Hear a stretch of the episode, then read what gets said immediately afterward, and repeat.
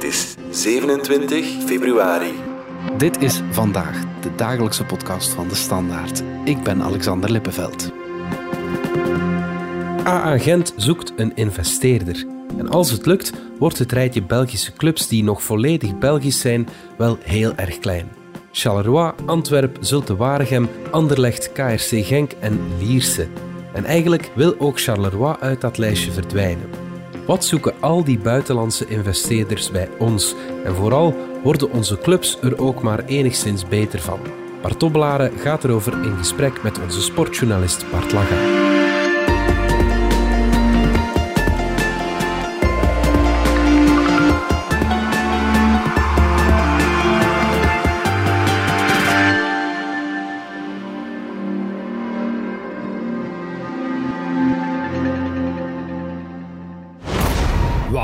Zijn stroopbedrogers. Vier op onze stad en op onze ploeg. En nu zijn we griet voor de volgende stap. Waar zijn Gentenaars? Waar zijn Buffalo? Bart, dat was nieuws kort voor de krokusvakantie. A-agent staat te koop, of mag je dat zo niet zeggen? Moet ik zeggen, A-agent zoekt een investeerder. Volgens uh, de voorzitter van A-agent, Ivan de Witte, staat de club niet te koop. Uh, dat is aan recht gezet. wil hij het kapitaal versterken. Ja. Dus ze willen iemand vinden die bereid is om uh, centen in die club te steken. Maar, zegt Ivan de Witte, we begrijpen natuurlijk wel dat uh, als die persoon komt, dat hij wel ook iets mee te zeggen ja, gaat willen Als je veel geld in iets steekt, dan meestal wil je dan ook een beetje inspraak hebben in wat er met die club gebeurt. Wat mij dan wel opvalt, Bart, is dat A-agent geld nodig heeft. En dat leek me nu eigenlijk een ideale Belgische voetbalploeg. Inderdaad, it ticks all the boxes in zekere zin, of dat was het toch in 2015, toen ze voor de eerste keer Belgisch kampioen werden. En dan een mooie Champions League. In een nieuw stadion. Gespeeld uh, daarna. Ja. Een Champions League campagne die ja, eigenlijk ongeëvenaard was. And there could be the chance for Koulibaly to cement that progress here. Well, he's unselfish, decided against taking the shot on, but they have got the goal. And surely their place in the round of 16. Ze hebben echt harten veroverd, ook buiten Gent, wat niet zo evident is, omdat het altijd uh, in Gent een hele grote club was, ja. met veel traditie. Maar dan werden zij plots een soort modelclub voor ons land. Vooral dat moderne stadion stak de ogen uit en de verwachting was dat zij, geholpen ook natuurlijk door de achterban, een relatief grote stad met gezonde bedrijven in de buurt, voetbalminded en dan ook een, een goed bestuur, goed management. Ja, dat zou wel een kennis van zaken. met kennis van zaken. Dat zou wel uh, snel ja, tot een van de traditionele topclubs ja. van ons land zouden uitgroeien. Enfin, we hadden niet gedacht dat dat nu een ploeg zou zijn die ook verlies zou maken. Ja, inderdaad. En volgens de laatste jaarcijfers die zijn neergelegd bij de Nationale Bank, maken ze, hebben ze 6 miljoen euro verlies gemaakt het laatste jaar. En dat komt bovenop eerder verliezen. Eh, de laatste drie jaar zijn ze 14 miljoen in het rood gegaan. Het eigen vermogen van de club, dat is nog altijd positief, in tegenstelling tot vele andere clubs in België.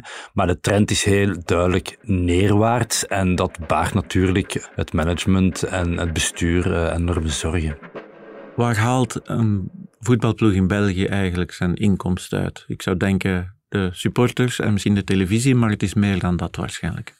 Ja, de traditionele poten van het verdienmodel is, is, is tv-geld, reclame. Dat is ongeveer gelijk gebleven. In België zelfs lichtjes gestegen, ondanks de coronacrisis. Daar ligt het niet aan.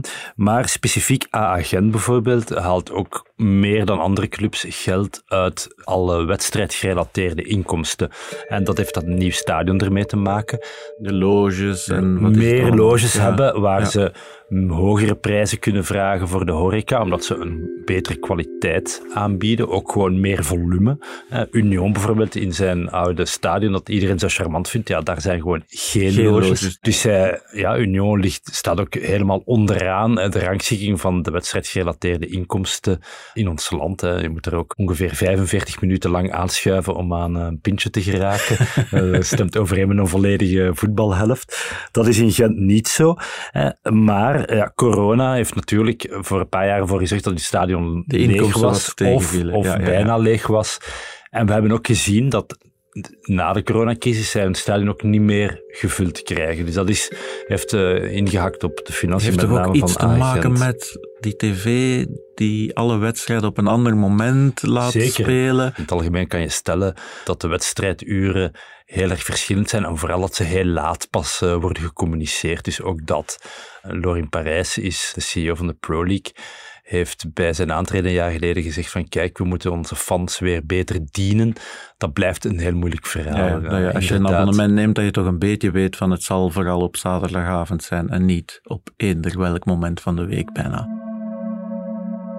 Maar die inkomsten van supporters en van tv, dat volstaat waarschijnlijk niet. Naast het tv-geld, de reclame en de wedstrijdgerelateerde inkomsten zijn er nog twee andere belangrijke bronnen voor inkomsten. Dat zijn de inkomsten uit transfers en dan wat de topclubs betreft de inkomsten uit de Europese bekercompetities die heel lucratief zijn. En ja, daar moet je zeggen dat alle clubs in België lijden onder internationale trends. De transfermarkt krimpt in de meeste landen, behalve in Engeland. Daar blijven Daar zit nog heel veel geld. daar zit nog heel veel geld. Maar bijvoorbeeld een land als Spanje, ook andere landen, daar is het transferverkeer grotendeels stilgevallen of toch de hoge sommen worden niet meer betaald. Een land als België, maar ook Portugal, Nederland, dat zijn echte transitlanden van talent, van de kleinste competities naar de grootste. Eh, en die landen leven dus van die transfermarkt. En ja, daar zie je dat de clubs die niet kunnen verkopen aan Engeland in moeilijkheden komen. Bijvoorbeeld AA Gent. Als je gaat kijken, de laatste jaren verkochten zij twee jaar geleden nog Jonathan David, hun eh, Canadese spits, voor 30 miljoen euro aan het Noord-Franse Lille. Roman Jaremchuk, die intussen weer in Club zit, maar hebben ze toen nog verkocht voor Ja, 17 ja, ja. miljoen euro aan Benfica, een Portugese club. Ja. In Frankrijk, in Portugal tellen die toch niet voor de Gentse spelers, die bedragen niet meer neer. En kan Europees voetbal agent en anderen redden? Dat kan zeker, maar natuurlijk zijn daar de Europese plaatsen beperkt. En wat zien we in België? We hebben eigenlijk een heel boeiende competitie. Er zijn twee topclubs bijgekomen. Union en, En Antwerpen, Antwerpen, die ja. er vroeger niet waren. Andere clubs zoals Genk, eh, bijvoorbeeld dit seizoen, een heel sterk seizoen. Ja, dan is er ook meer concurrentie voor de Europese plaatsen. En is het veel moeilijker eigenlijk om, die Europese, om zeker te zijn van die Europese inkomsten. En de manager van A-agent, Michel Louagie, die heeft eens voorgerekend dat zonder die transferinkomsten en die inkomsten uit Europees voetbal, volgens hem elke grote club in België 10 tot 20 miljoen euro verlies maakt operationeel op jaarbasis. En dan moet je toch ook een beetje hopen op een mooie affiche. Want je kan uitgeloot worden tegen een ploeg uit Azerbeidzjan en dan zijn de verplaatsingskosten ook dan moet je, groot en komt er ja, niet zoveel volk kijken, dan moet je een ik. vliegtuig charteren dat ver genoeg kan vliegen zonder te tanken. Ja. dan heb je meteen al hoge kosten, terwijl er eigenlijk, als je dan eruit gaat, weinig Ja, je eh, staan. voor zo'n Ja. wedstrijd. Je moet dan misschien de ticketprijzen laten zakken om toch ook wat sfeer in het stadion te krijgen. Maar de grote, het grote lot, en zoals Club Brugge dat tot 100 euro vraagt voor toegangstickets in de Champions League, kan je natuurlijk niet, Niet vragen Karabach. tegen Karabach. Met eh, alle respect natuurlijk Voor die eh, jongens. die Ja. jongens. We hadden het erover dat A-agent dus ja, misschien te koop staat of in ieder geval geld zoekt. De stad Gent reageerde wel heel ongerust, mag ik het zo zeggen? En vooral heel snel. Dus enkele uren nadat eigenlijk eh, via het persagentschap Bloomberg het nieuws bekend was dat de club al dan niet te koop zou, maar dat toch een, een Hulp zoekt bij hulp het zoeken bij naar het een zoeken naar investeerder. een ja. investeerder. Was er al een tweet van de burgemeester van Gent, Matthias de Klerk, waarin hij toch heel duidelijk hamerde op de noodzaak om de lokale binding te behouden. En in Gent is die belangrijk, omdat uiteindelijk ook bij de bouw van het stadion eh, de stad enorm betrokken was. Gent huurt nu dat stadion. En in ruil voor die verre engagementen, laten we zeggen, van de lokale gemeenschap, heeft Gent zich ook geëngageerd om een brede communitywerking op poten te zetten, waar de club trouwens erg goed in is en, en, en Ja. ook eh, alle lof voor verdient. De vrees is natuurlijk, als zij zomaar gaan verkopen slash een investeerder zoeken met een andere agenda, hoogstwaarschijnlijk een buitenlander, hè, want als het een Belg moest zijn, dan hadden ze die eigenlijk al moeten vinden. Dan hadden hè. ze die al gevonden. Ja, Eh, want de zoektocht is zoveel al een jaar. ja. kansen zijn er. Ehm, Ja. En ja, dat maakt het Gentse overnamedossier dat voorlopig dus nog geen overname is, erg complex. Ook heel veel verschillende aandeelhouders. Ehm, twee van de grootste aandeelhouders zijn Ivan de Witte en Michel Louagie, de voorzitter en de general manager. Die mensen worden een jaartje ouder, laten we zeggen. Uh, men weet dat zij het ook niet meer 10, 15 jaar lang zullen rekken. Dus de verdenking op die twee rust wat dat zij door naar een verkoopscenario of toch van hun aandelen te gaan. Nog snel iets willen ja, voor zichzelf. Voor zichzelf willen, terwijl zij eigenlijk destijds, het ging toen wel heel slecht met de club, maar hebben zij die aandelen eigenlijk ja, uh, op een bepaald ogenblik toegewezen gekregen bij de hervorming van de VZW naar de huidige rechtspersoon eh, dat is de CVBA met sociaal oogmerk. Oké, nu wordt het ingewikkeld. Wat je wil zeggen is, zo gemakkelijk is het allemaal niet om... Nee, want is CVBA met sociaal oogmerk. Die verdwijnt vanaf 1 januari. Dus voor het einde van het jaar moet Gent eigenlijk op zoek naar weer een nieuwe rechtsvorm.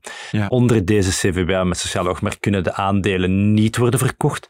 Maar stel nu dat Gent kiest voor ik zeg maar wat, een gewone NV te worden. Dan kan het wel. Dan kan het wel. Ja. En dat is dus precies de vrees van de stad uh, Gent, maar ook de hoofdsponsor van Gent, de VDK-bank, met een sociaal uh, engagement, is dus absoluut gekant tegen de verkoop van aandelen en ja, daar riskeert nog eventueel tot een potentieel conflict te komen.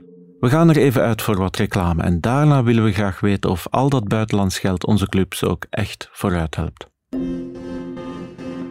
Dag dames, dag heren. Het geeft tijd, Albert Heijn heeft weer iets prachtig in de rekken verspreid.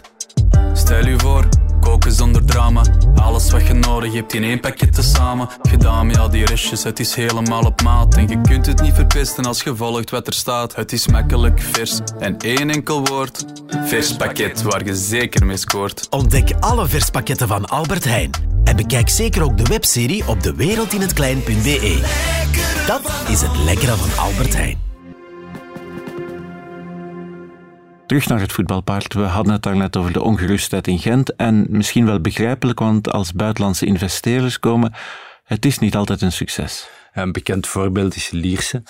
Daar kwam ooit een Egyptische weldoener, Maged Sami. In een van zijn eerste interviews verklaarde hij: Mijn doel is om Lierse naar de Champions League te brengen. Ongetwijfeld, ja. Lierse terug naar de Champions League. Want, ooit, in 1997 waren ze kampioen en het jaar nadien speelden ze in de Champions League. Maar dat ging niet zo goed. Nee, en het verhaal is bekend. Maged Sami bleek niet financieel sterk genoeg om eigenlijk een topclub met hoge lonen overeind te houden. De club ging failliet. En interessant is nu om te zien dat Lierse Kempenzonen, dus uh, heten ze nu nog officieel, maar eigenlijk uh, noemt de club zichzelf opnieuw echt het oude Lierse, terug is in 1B en, zelfs zich geplaatst heeft voor de eindronde met een helemaal Belgisch project. Dus zij zijn daar eigenlijk gelouterd uitgekomen en zij willen nu eigenlijk met een, een van de kleinste budgetten in ons profvoetbal toch laten zien van kijk... Dat het uh, misschien wel lukt. Het kan misschien op een andere manier. Ik zag laatst ook een wedstrijd van Sint-Truiden en ik ja, stond toch versteld dat de shirtreclame in het Japans was. Okazaki zag ik rondlopen, Hashioka, Hayashi. Ja, en ook Schmidt, de, keeper. Ja. Ondanks een Duitse naam is een uh, Japanner. Sint-Truiden is gekocht door een Japanse groep die onder meer ooit actief was in de porno-industrie, nu breder in de entertainment-industrie. Um, Sint-Truiden heeft ook recent een naamsverandering van zijn stadion aangekondigd. Het roemrijke Staaien het heet dus voortaan... het Daio Wasabi Staaien Stadion.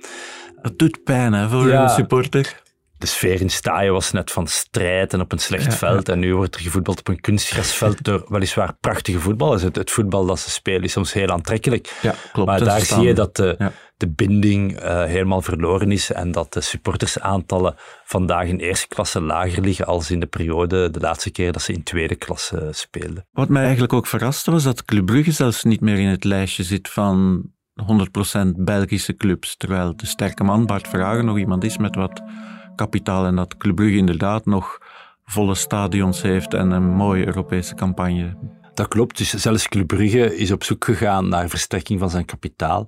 Ze hebben het even geprobeerd met een beursgang, dat is, uh, met een sisser afgelopen. Kort nadien is er dan wel een Amerikaanse partner, Orkila Capital in de club gestapt met een investering van 50 miljoen euro. Ze hebben dan in 24% van de aandelen verworven.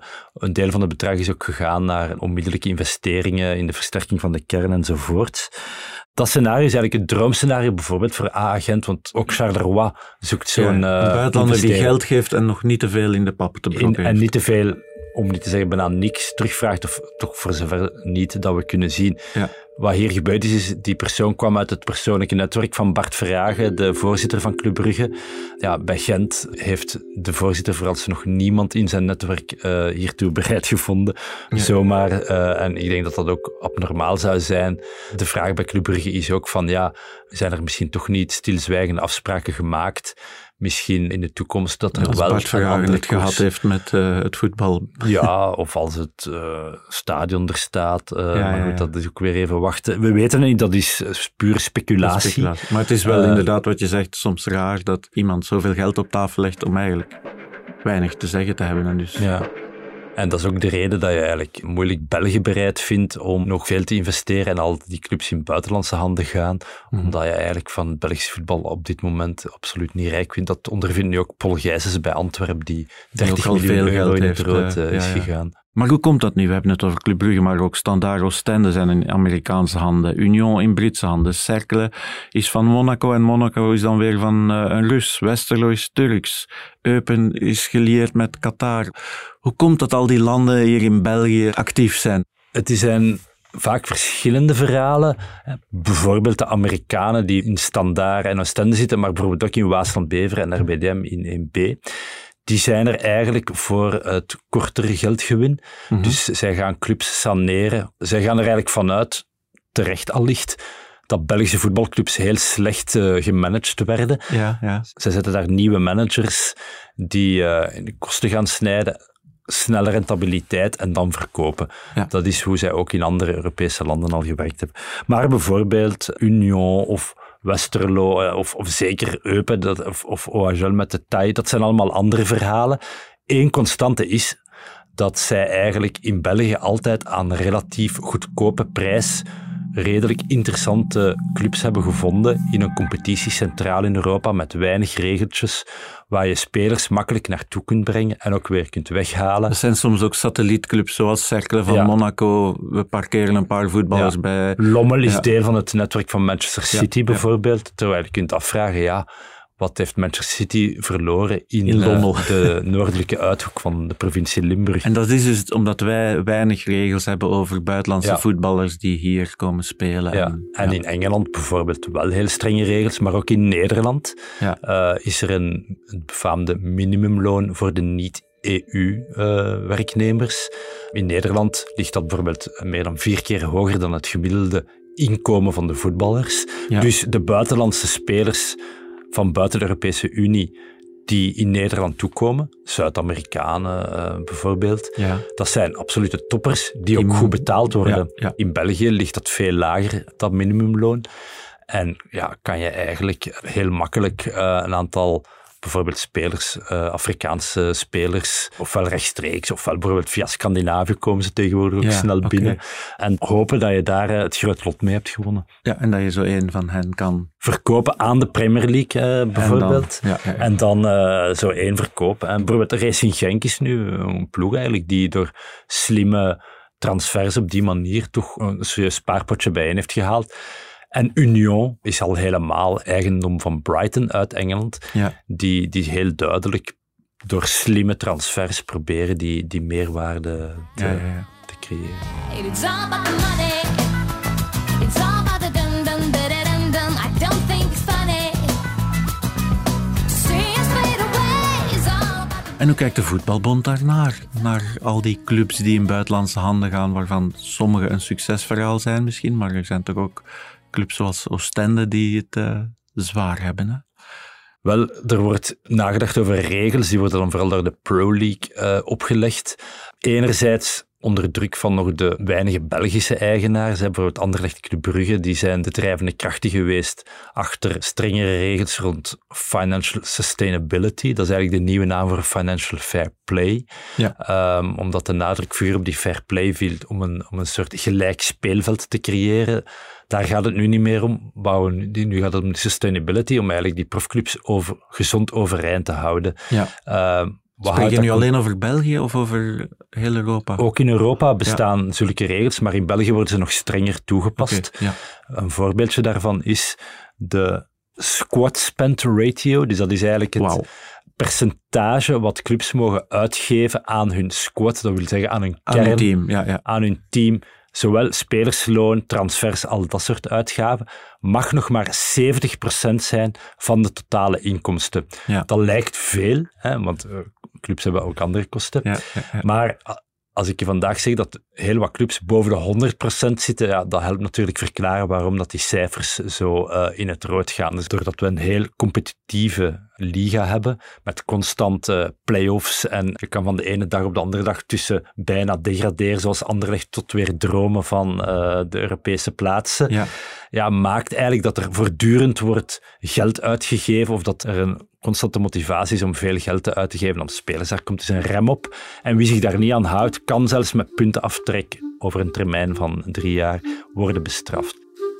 En, en zal het ooit weer zo goed gaan met ons voetbal dat we, nu spreek ik over lang geleden, hè, Club Brugge heeft nog de finale van de landskampioenen gespeeld, heette dat toen. Anderlecht heeft nog Barcelona, Bayern München, Juventus kunnen uitschakelen, Europees. Zie dat ooit nog terugkomen? Of zijn die ploegen weg en halen we dat nooit meer in? Je ziet het duidelijk op, op verschillende sporen. En je ziet dat terug in de UEFA, waar dat eigenlijk de Champions League steeds meer wordt gemodelleerd ten behoeve van de grote clubs uit de grote landen. Maar de UEFA komt ook de, ik zou ons ook geen klein land noemen, maar een middelgroot land tegemoet door te zeggen van kijk, ook voor jullie is er nog wat lekkers. Dat is de reden bijvoorbeeld dat ze de Conference League Ja, hebben in de het leven Europese geroepen. beker Ja. eigenlijk, hè? En kneusjes noemen wij dat Inderdaad, soms. we ja. gaan naar een soort kastensysteem in het Europese Ja, ja. voetbal, waarbij dat wij dan ergens ja, voor de, om de, de laagste Europese beker en weet ooit eens dromen, eh, want voetbal gaat altijd over dromen, eh, van een keer eens een tweede, of misschien wil ooit wel eens de eerste, maar ik denk dat dat in de praktijk in de toekomst nog moeilijker zal zijn dan het in het verleden was. En we hebben nu al gezien dat het eigenlijk ja, de laatste 30, 40 jaar amper gebeurd is dat een, een ploeg in de, eerste, in de belangrijkste Europese beker tot in de finale is gekomen. Toch hopen we nog altijd, Bart. Ja, en eh, ik zou zeggen, supporter voor die clubs in de Europa League en Conference League. En toch proberen een beetje die competities liever te zien en, en blij te zijn met eh, ja, alles wat we nog wel kunnen. En ook in het verleden is Ajax nog niet zo lang geleden tot in de finale geraakt. Dus in Brugge redeneert men, wat Ajax kan, moeten wij ook kunnen. En ik denk dat dat een gezonde redenering is. Maar te geloven dat we eigenlijk op systematische basis tot die prestaties in staat gaan zijn, dat denk ik niet. En ja, dat is reden te meer om te genieten van eh, wat onze Belgische ploegen nu eh, in Europa presteren. Daar is Noussa nog voor de 0-4. Jawel. Antonio Noussa zet de kroon alsnog op het werk Club Brugge. Een viersterren prestatie met vier doelpunten. één Dragao. Geweldige avond voor Blauw-Zwart. Geweldige avond voor het Belgische voetbal. En bij Porto kunnen ze niet dieper wegzakken op de bank. Een afstraffing in eigen huis tegen de Belgische landskampioen. Die met 6 op 6 aan de groepsfase begint. Nee, superlatieven schieten tekort voor deze avond in Porto.